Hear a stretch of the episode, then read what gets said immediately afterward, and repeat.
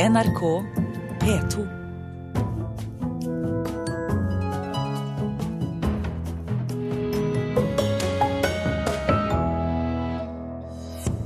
Seere frykter reklameavbrudd under OL-grenene. TV 2 mener det er ingen grunn til bekymring. Den anerkjente skuespilleren Philip Seymour Hoffman døde i går, 46 år gammel.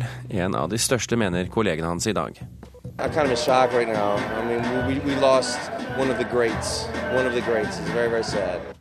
Den eh, svenske forfatteren Stefan Spjut har kommet med en litterær prestasjon man sjelden finner i spenningsbøker. Det skal du få høre mer om mot slutten av sendingen. Du hører på Kulturnytt med Birger Kolsrud Jåsund i studio. Organisasjonen Skisportens venner er redd for at reklamepausene vil forstyrre de ulike OL-grenene. Førstkommende fredag starter OL i Sotsji, som i år sendes på TV 2. Kanalen selv sier folks bekymring er overdrevet.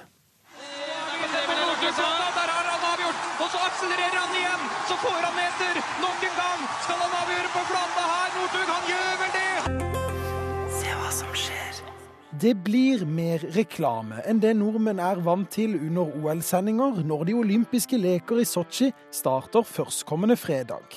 Denne gang på TV 2. Vi kommer til å gå inn med korte reklameblokker. Sier Rune Indrøy, kommunikasjonsdirektør i TV 2. Og noen er bekymret for at denne reklamen avbryter viktige OL-øyeblikk. Bl.a. noen skikledde forbipasserende på Majorstua stasjon i Oslo. Altså For meg er det et irritasjonsmoment av de store. Men jeg kommer antagelig til å se på likevel. Jeg er jo ganske interessert i skisport og sånne ting, da, vet du. Ja, det er jo litt irriterende hvis det er rett før liksom, et eller annet spennende som skjer. Jeg, jeg begynner å kjenne at dere kribler litt grann nå. Sier Joar Hagen, leder i Skisportens venner i Østerdalen. Joar er godt over gjennomsnittlig interessert i skisport. Eller som han selv sier, Fra en skala fra én til eh, ti, så er jeg vel antageligvis tett oppunder ti. han er også redd for at TV 2 sender reklame midt under favorittøvelsene. For hvis det TV 2 begynner å sende reklame når eh, på innspurten med Marit Bjørgen eller Therese Johaug i, i tet og foran eh, finaleomgangen i hopp og, og Bardal leder etter første omgang, sitter alene på toppen, da blir det ramaskrik. Men Indrøy i TV 2 forteller at folk ikke trenger å bekymre seg for at Petter Northugs innspurt blir avbrutt med reklamepause. Vi kommer til å tilpasse dette her eh, etter begivenhetene. TV 2 har ikke lov til å sende mer enn tolv minutter reklame per time. Og regler som Kulturdepartementet vedtok i fjor, innebærer at kringkasterne nå står friere til å plassere reklamen der de vil.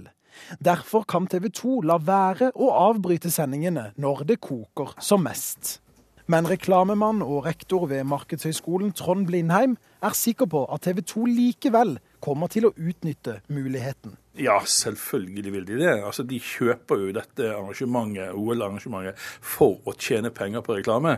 Slik at det vil nok sitte programmerere der og, og, og med, med kalkulatoren og regne på hvor mange ganger kan vi bryte nå og vise reklamen. om. For det, det er det eneste som gir inntekter til TV 2, det er da reklame som de sender i tilknytning til programmene. Jo mer populært program, desto mer reklame. Indrøy i TV 2 tror folks skepsis er overdrevet. Den skepsisen som vi eh, møter her, det er for så vidt den samme skepsisen som vi møtte da vi overtok eh, norsk fotball for en del år tilbake. Det var angivelig noe som eh, ikke kunne skje andre steder enn på NRK. Det gikk vel ikke mer enn et par uker før de fleste så at dette løste TV 2 på en aldeles utmerket måte. Det sa Rune Inderøy i TV 2, og vår OL-reporter det var Christian Ingebretsen.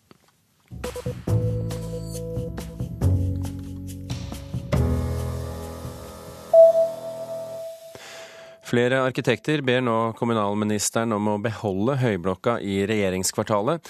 Statsbygg vurderer nå om konstruksjonen i bygningen tilfredsstiller dagens krav til sikkerhet, skriver Dagsavisen i dag. Avgjørelsen må ikke brukes som argument for riving, mener Norske arkitekters landsforbund. Statsbygg skal ha sin konklusjon klar 1. mars. Don't ever leave. That is what You asked of me, do you know? Dette er Ane Brun og hennes låt 'Don't Leave', som ble spilt for over 100 millioner TV-seere i natt. Låten ble brukt i en reklame for Chevrolet og den amerikanske kreftforeningen under nattens Superbowl. Og reklamespotten under Superbowl, som kan sammenlignes med cupfinalen i, i Norge for amerikansk fotball, det er det mest sette i løpet av det amerikanske TV-året. Så hvert år konkurrerer derfor de største selskapene om å lage de mest spektakulære reklamene, og det er knyttet høy prestisje for en artist å få lydsporet sitt på en av disse reklamene. Den eh, delvis eh, norskproduserte dokumentarfilmen The Act of Killing fikk i går kveld prisen for beste dokumentar på Critics Circle Award, som deles ut av britiske filmkritikere. Norske Piraya Film er medprodusent på filmen, som handler om folkemordet i Indonesia på 60-tallet. The Act of Killing er også nominert til Oscar for beste dokumentarfilm.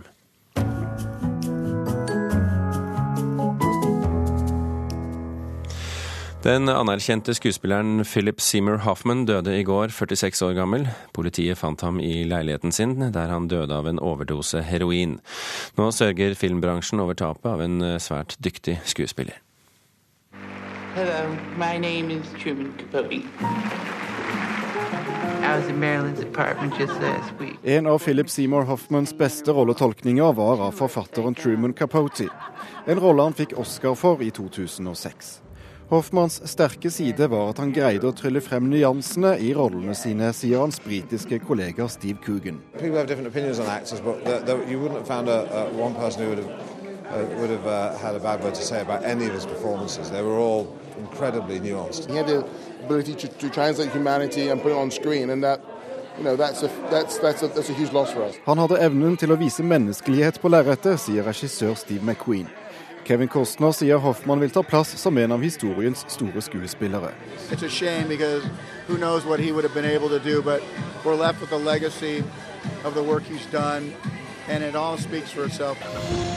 Philip Seymour Hoffman var til stede på Sundance-festivalen i januar med den siste filmen han spiller i, del to i Hunger Games-serien. Hoffman skulle også spilt i del fire og fem av Hunger Games. Harry Connick jr. er ikke i tvil om at det er en av vår tids store skuespillere som nå er gått bort. I'm, I'm, I'm kind of right I mean, we, we very, very Reporter her, det var Thomas Alvarstein eh, Ove. Kulturkommentator i NRK Agnes Moxnes, hvordan vil Philip Zimmer Hoffman bli husket? Eh, som en av de absolutt eh, beste skuespillere noensinne. En storartet eh, skuespiller både på filmlerretet men han har jo også vært på teaterscenen og Broadway flere ganger og høstet fantastiske kritikker for det. Og han var jo ikke en skuespiller, han var liksom ikke den høye, barske, kjekke skuespilleren. Liten, litt sånn chubby, hverdagslig utseende. Ønsket å leve litt hverdagslig også, tror jeg, sånn eh, privatlivet hans. Men det var aldri noe hverdagslig i måten han løste rollene sine på. Til tross for at veldig mange av de rollene han er eh, mest kjent for, er jo små roller? Ja, det er det. Altså, det kunne nesten vært en egen kategori, Oscar-kategori, som heter 'skuespilleren som kommer inn og løfter filmen og gjør den bedre'. Og det tror jeg er det som karakteriserer eh, ham. Det er nettopp det at han Du husker når du har sett en film hvor han har vært med. Eh, og det er ofte små roller. Han har jo ikke hatt de der Det er ikke mange filmene. Jeg tror det er 63 filmer, filmer han er kreditert for å ha vært med i. Veldig mange av dem er, er som små roller, men selvfølgelig fantastisk løst. Men, men det, er, det, er, jo vanskelig å spille sånne biroller fordi at du skal På den ene siden så skal du komme inn og markere deg, men du skal ikke markere deg så mye at du ødelegger for de andre. Nei. Og jeg, og jeg ser på altså, en del som skriver om dette her nå. De husker sånne små eh, eh, situasjoner hvor han bare kommer, ringer på en dør, så løfter han opp disse her skyggene du har foran brille, altså vanlige briller med solbriller. Måten han løfter opp den på, det var første øyeblikket denne eh, kritikeren jeg leste akkurat nå, hadde så ham. Og sier at dette er en stor skuespiller. Og det er eh, Jeg vet ikke, altså det er jo alltid vanskelig å si hva som gjør skuespillere gode. Eh, men jeg tror at det er en egen evne til å opptre utrolig naturlig foran kamera. Og så, var han vel også interessert i de rollene hvor han kunne fremstå som en litt sånn plaget sjel? Ja, både og. Altså, han spilte jo i den filmen jeg husker best, men jeg tror det var den første, altså, første filmen jeg så med han var vel i Magnolia. Men så kom The Talented, altså den talentfulle Mr. Ripley, hvor han spiller en amerikansk overklassegutt i, i Italia. Eh, og det er hans jobb er på en måte å være den som ser at Mr. Ripley er en bedrager. Og måten han ser og måten han vurderer på, det er så perfid. Og det er så interessant å se på det. Så jeg, altså jeg, tenker at det jeg skal gjøre i dag, er å gå og se den filmen om igjen. Men også The Master, som er en av de største, hvor han jo hadde en veldig stor rolle, eh, kom i 2012, hvor han da spiller også en mann som har store, store rusproblemer. Gå og se den om igjen. Ja, den vi, også om ja, igjen. Da vet vi i hvert fall hva kulturkommentator Agnes Moxnes skal gjøre i kveld, hvis dere lurte på det. Klokken er, unnskyld, klokken er drøyt 14 minutter over åtte. Du hører på Kulturnytt, og dette er toppsaken i NRK Nyheter akkurat nå. Det har vært en stor eksplosjon utenfor en rettsbygning i Malmö i natt. Ingen mennesker er såret, men bygninger har fått store skader. Norske kvinner som er gravide med tvillinger, reiser til utlandet for å ta abort på ett av fostrene. Årsaken er ikke medisinsk, men ofte at kvinnene ikke makter tanken på å bli tvillingmødre. Og I Thailand, Thailand er opptellingen i gang etter gårsdagens valg, men den politiske situasjonen i landet er like fastlåst.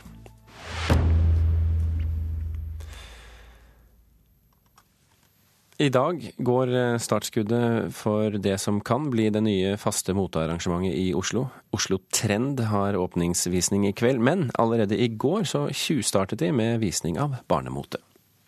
Jeg skal gå på catwalken. Hva syns du om antrekket? Det er fint. Det er en blå tunika med masse roser i forskjellige farger. Ni år gamle Mariell står og tripper bak scenen på Vulkan Arena i Oslo. Rundt oss kryr det av barn med kattesminke og fargerike klær. De skal gå motevisning.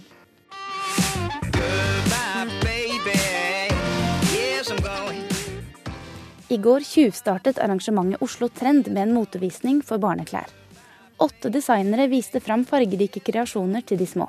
Og fra mandag blir det mote for de voksne også. Oslo Fashion Week har i ti år forsøkt å bli Norges motearena, men måtte avlyse like før jul i fjor. Oslo Trend er derfor en kjærkommen ny arena, mener designer Kristine Vikse. Hun er fornøyd med at barna får starte showet. Eh, det er veldig viktig for barneklesbransjen. For det har jo vært eh, lite fokus på hva norsk design er innenfor den delen nå. Og veldig mange av de norske barneklesmerkene gjør det veldig bra. Så det er litt viktig å vise den biten og at det blir litt fokus på det endelig. Vikse står bak barnemerket med Mini, som har holdt på siden 2006. Hun gir barnekolleksjonen æren for at hun nå også kan lage to voksenkolleksjoner. Det er jo nok pga. barnetøy at jeg tør å satse på damer òg, fordi jeg ser at eh, vi har fått det godt til der. Og gode produsenter, ikke minst, som vi bruker på begge deler. Ser du her, så er da kameraproduksjonen i gang med full kran. Ja, for dette skal gå live på Det går live på oslotrend.no. Mikkel Åkervik er en av de som står bak Oslo Trend. Med lansering av eget magasin og direkte strømming av motevisninger på nett, har han stor tro på suksess. Jeg tror eh, vi har jobba med å skape et tyngre produkt. Vi har en egen TV-kanal. Eh, det er masse spennende designere som har en ny giv for å gjøre litt nye ting, og det er en veldig god stemning. Og så har vi jobba hardt med å produsere noe som vi tror er på et veldig godt nivå. Eh, vi fra EB som produserer har jobbet mye med å produsere store visninger, og da tror vi at vi kan levere en kvalitet også. Reporter her, det var Ina Charlotte Fjellhøy. Moteviter og skribent i fredagsbilaget D2 i Dagens Næringsliv, Ida Eritsland. Velkommen til Kulturnytt. Takk. Er det viktig for eh, Oslo og landet for øvrig eh, å ha en slik moteuke?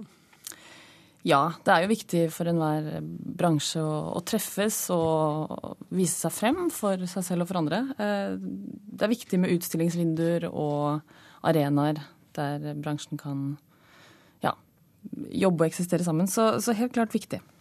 Du, du, har jo tidligere kritisert det foreløpig nedlagte Oslo Fashion Week, for å si det på den måten, eh, fordi at de satser for mye på kjendiser og kjendishysteri og glam. Hva tenker du om eh, programmet til Oslo Trendy i så måte?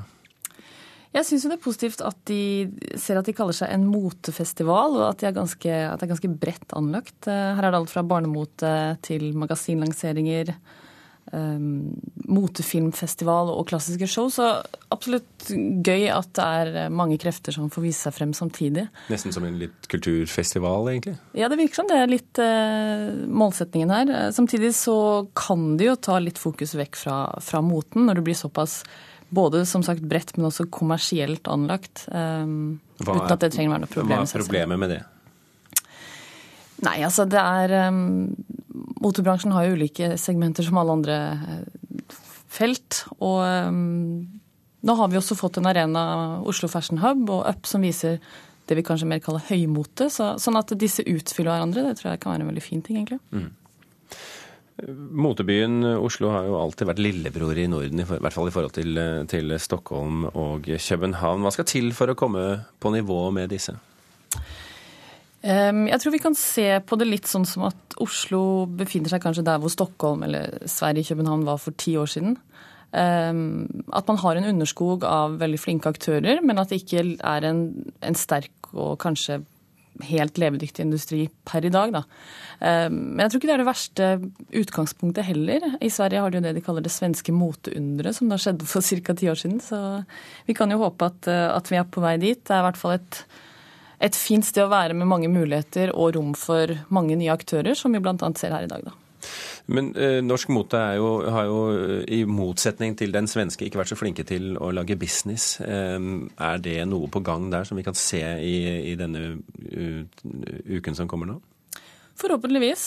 Eh, det virker jo som at mange engasjerer seg på en måte utenfra kanskje motedesignfeltet og ser at dette er et, en spennende bransje å jobbe innenfor. Eh, vi trenger alt vi kan av aktører som har lyst til å jobbe med mote, men som har spisskompetanse på andre felt. Så, så, om denne type samlende festival kanskje kan på en måte dra i gang ulike krefter til å jobbe sammen, så er det absolutt bare positivt. Ville det vært et, eh, en god målsetning i så fall?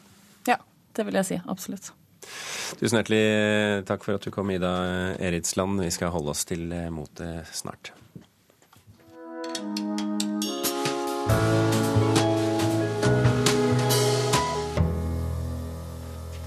Som sagt holde oss til mote, dvs. Si det som en gang var mote. For i helgen så åpnet Nasjonalmuseet sin andre utstilling i forbindelse med grunnlovsjubileet, og utstillingen heter Norge 1814 design og mote. Mona Palle Bjerke, kunstkritiker her i NRK, hva slags utstilling er det vi snakker om her? Ja, Her blir vi jo invitert inn i denne perioden da, fra midten av 1700-tallet og frem mot 1814, og litt da videre inn i det, det moderne Norge etter 1814. Og det er jo gjennom da gjenstander, gjennom interiører og gjennom klær vi får et bilde av denne perioden. Og Nasjonalmuseet har valgt å gjøre Palea, det historiske bygget Palea i Bjørvika, til en slags ramme for utstillingen. Og Palais brant jo og ble revet i 1942, så det er, mange, det er mange som har glemt det. Men det var jo et herskapelig, kjempestort bygg der nede, som først var residens for Anker-familien gjennom noen generasjoner, og deretter kongebolig faktisk da for grunnlovskongen Christian Fredrik, og senere for unionskongen eh, Karl Johan. Så det er ikke hverdagsmote vi snakker om her? Nei, så her er det vi, Og ikke bare mote, men også interiøren. Da, for utstillingen sentrerer seg om fire praktfulle interiører, der vi da kan vandre fra rokokkoens dansende, lekende, lette, sensuelle og asymmetriske stil, til ampirens da mer eh, strenge enkle og rene stiluttrykk. Da. Og rundt disse interiørene, da, som er sånne sentre i utstillingen, så er det jo montre med alle mulige fantastiske, flotte plagg og gjenstander. Og det er jo porselen, eh, og det er nydelig eh, glasslysekroner fra Nøstetangen. Og det er eh, praktfulle damekjoler og herreantrekk og veldig, veldig mye morsomt å se på. Og Til tross for dette så er det altså en rød silkeslåbrok som har fått det til å tikke hos deg? Ja, jeg ble veldig begeistra. Og det viser det var, det er det en helt sånn dyp rød silkeslåbrok uh, i rokokko-stil, som har da antagelig tilhørt uh, Mogens Larsen Monsen, som var en mektig trelasthandler i Norge og eier av Linderud gård i Groruddalen og, for, som var den som forvandlet Linderud da fra barokkpalé til et herresete i rokokkostil. Og den type objekter da, som denne, eller plagg som dette, denne slåbroken får oss jo til å tenke. Vi ser jo veldig for oss denne kanskje lett tilårskomne Mogens Larsen Monsen hen, hen, henslengt i en myk, god, gullforgylt uh, lenestol i rokokkostil, eh, og med kanskje kaffe eh, i en vakker liten kopp. Kaffe var jo nymotens og eksotisk eh, drikkevare på den tiden, sammen med sin da pur unge kone. Rokokkoen er jo innendørslivets stil, det koselige, det intime og det sensuelle. Så det er jo sånn disse gjenstandene taler til oss, da. Men, men hva forteller de eh, om det samfunnet som var for 200 år siden? For det er vel det som er poenget med denne utstillingen, går jeg ut fra? Ja, så vi får jo et rikt innblikk i denne tiden, eh, denne stilen. Men det som er eh, min innvending, det er jo at det gir et et, på en måte, det gir et innblikk i en ørliten del av Norge på, i denne perioden. For Norge var på 1700-tallet Eh, et av de fattigste landene i Europa. Og den luksus, det luksuspregede livet vi får innblikk i, det er jo virkelig bare en veldig, veldig liten del. Så jeg tenker jo at det kunne vært fantastisk også å få sett litt mer av det vanlige liv på denne tiden. For grunnlovsjubileet, det er jo, handler jo om oss alle, da. Men det er vel ikke ja, Hvis vi skal holde oss til Grunnloven, så var det vel ikke uh, moten blant bøndene som, som, var den mest dominerende på Eidsvoll, kanskje? Nei, du kan si at Det var jo selvfølgelig de rike som hadde råd til å bestille en stol fra Frankrike i høyeste mote, eller forvandle sin ballsal i rokokkostil til Louis Hay-stil. Men allikevel så lever moten også i folkedypet gjennom folkekunsten, og det er så fantastisk i denne perioden i Norge at man ser hvordan de er så fremoverlente, håndverkerne, og de fanger opp strømninger fra kontinentet. Vi ser jo rokokkoens formglede avspeile seg i rosemaling så vel som treskjæring, og også elementer av empir og bidemeier i bondemøblementer. Så jeg syns at hadde man hatt glimt av dette, eh, så ville det beriket utstillingen veldig. Men hvis man likevel vil gå og se den utstillingen, så er den altså på Kunstindustrimuseet i Oslo. Mona Palle Bjerke, tusen hjertelig takk for at du kom til oss i dag. Vi holder oss et eh, stykke til vi, i, i anmeldelsens eh, verden. Vi skal over til litteratur denne gang. Den svenske forfatteren Stefan Spjut har nemlig skrevet en spenningsroman om troll, skrømt og annet fanteri. Og boken er ikke bare spennende, hvis vi skal tro på vår anmelder eh, Leif Ekle. Den er så mye som en litterær prestasjon på et nivå man sjelden finner i thrillere. Olav Duns aller siste roman hadde tittelen Mennesket og maktene. Den tittelen falt inn i mitt hode mens jeg leste slutten av Stefan Spjuts bok Stallo. Så kan man lure på hva Dun har med en spenningsbok, en thriller, om troll og skrømt å gjøre. Lite. Utover akkurat dette. Menneskets forhold til maktene. De kreftene vi ikke rår over, de uhåndgripelige, noen ganger truende, andre ganger uunnværlige, de som derfor finnes i alle menneskelige tradisjoner, myter og fortellinger. Stallo.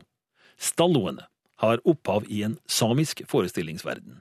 Litt menneske, litt skrømt eller troll, med evne til å skape seg om, skifte ham, altså. Mennesker gjør best i å holde seg unna, la dem i fred. I motsatt fall kan det gå en riktig ille. Særlig barna skal man passe på. Stalloene har en forkjærlighet for de små. Det er da også følgende av innblanding i stalloenes business som er utgangspunktet for det mareritt som menneskene i Stefan Spjuts roman utsettes for. En liten gutt ved navn Magnus og moren hans dro på hyttetur til skogs sommeren 1978. Det var trykkende og underlig, de opplevde rare ting, som for eksempel en hare og en rev som verken fryktet mennesker eller hverandre. Og så ble Magnuset borte. I vår tid, mens kaldvinteren tyner Nord-Sverige og Kiruna-traktene, blir en annen gutt borte. Susso Myren finnes der. Hennes far var berømt fotograf. En gang tok han bilde av noe som neppe kunne være menneske. Sussos nettside om troll, skrømt og den slags har ikke mange brukere, men den finnes. Den sist forsvunne guttens bestemor tar kontakt. Susso får tatt et bilde av den vesle gubben med katteblikk som har oppsøkt gården flere ganger. Og vi har det gående. Stefan Spjuts Stallo både kan og bør leses på flere enn ett forståelsesnivå. Det mest åpenbare er selvsagt spenningsromanens, og som sådan er den blant de bedre jeg har lest overhodet. Ikke bare tåler den sine nesten 550 sider uten å vakle, den er til den minste detalj velskrevet. I et svært bildesterkt og konkret språk. Et som til og med evner å gi liv til et par slitne arbeidshansker, så leseren både ser og hører dem når de trekkes fra hverandre. Men som antydet helt i begynnelsen, Stallo kan også leses metaforisk som bilde på det svake og redde mennesket. Det finnes stadig krefter vi må bøye nakken for. Slik står også thrilleren Stallo, rotsolid i en litterær tradisjon vesentlig eldre enn den skrevne litteraturen. At Stefan Spjut får sin leser til å godta hamskiftende troll som premiss og skogmus med sørgmodige menneskefjes som ingredienser i en roman, er intet mindre enn en prestasjon i den litterære løgnens kunst. Gjenstår bare å si at Bjørn Ollex Hermans oversettelse fra svensk er utmerket. Den også. Og en utvid, utvidet versjon av denne anmeldelsen kan du lese på våre nettsider nrk.no litteratur litt uh, på dagen. Kulturnytt uh, er nå slutt. Uh, Birger Kolsrud Aasund, Halvor Haugen og Mari Janne Myhrvold har tenkt til å runde av. I dag har vi fortalt at eh, TV 2 mener det ikke er grunn til bekymring for at reklame skal avbryte spennende konkurranser eh, under OL. Og du hørte også at eh, kolleger priset den anerkjente skuespilleren Philip Seymour Hoffman som døde i går, 46 år gammel.